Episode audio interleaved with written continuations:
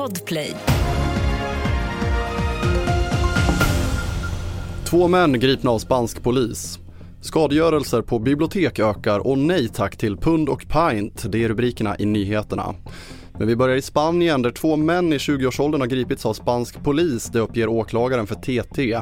Den ena mannen är häktad på sannolika skäl misstänkt för mordförsök och grovt vapenbrott och den andra är på sannolika skäl misstänkt för grovt skyddande av brottsling.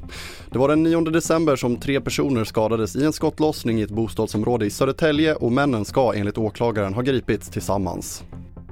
Och mängder av kebabkött från en grossist i Dalarna har tagits i beslag eh, efter att det visat sig att det innehöll häst.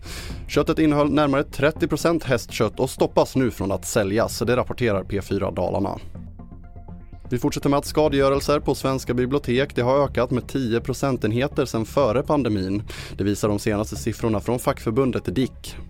För att lära personalen att hantera problematiska situationer testar nu Stockholms stadsbibliotek en metod med VR-glasögon där bibliotekarien i en 3D-verklighet får möta en simulerad aggressiv person. Det var ett intressant sätt att möta en, en upprörd situation och försöka tänka vad är det jag gör som kan få det här att lugna ner sig och vad, vad gjorde jag fel om jag nu gjorde det eh, när jag säger någonting som gör någon mer upprörd. Det sa Mikael Engström som är bibliotekarie på Stockholms stadsbibliotek. Och nej tack till pund och pint. Ja, den brittiska regeringen släpper planerna på att återgå till imperiala mått som ett alternativ till metersystemet i handeln.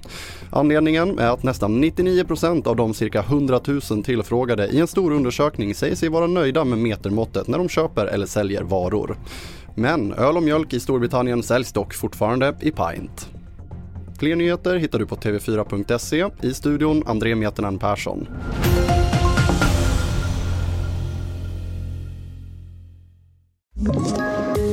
Poddtips från Podplay. I fallen jag aldrig glömmer djupdyker Hasse Aro i arbetet bakom några av Sveriges mest uppseendeväckande brottsutredningar. Går vi in med hemlig telefonavlyssning och, och då upplever vi att vi får en total förändring av hans beteende. Vad är det som händer nu? Vem är det som läcker? Och så säger han att jag är kriminell, jag har varit kriminell i hela mitt liv men att mörda ett barn, där går min gräns. Nya säsongen av Fallen jag aldrig glömmer på Podplay.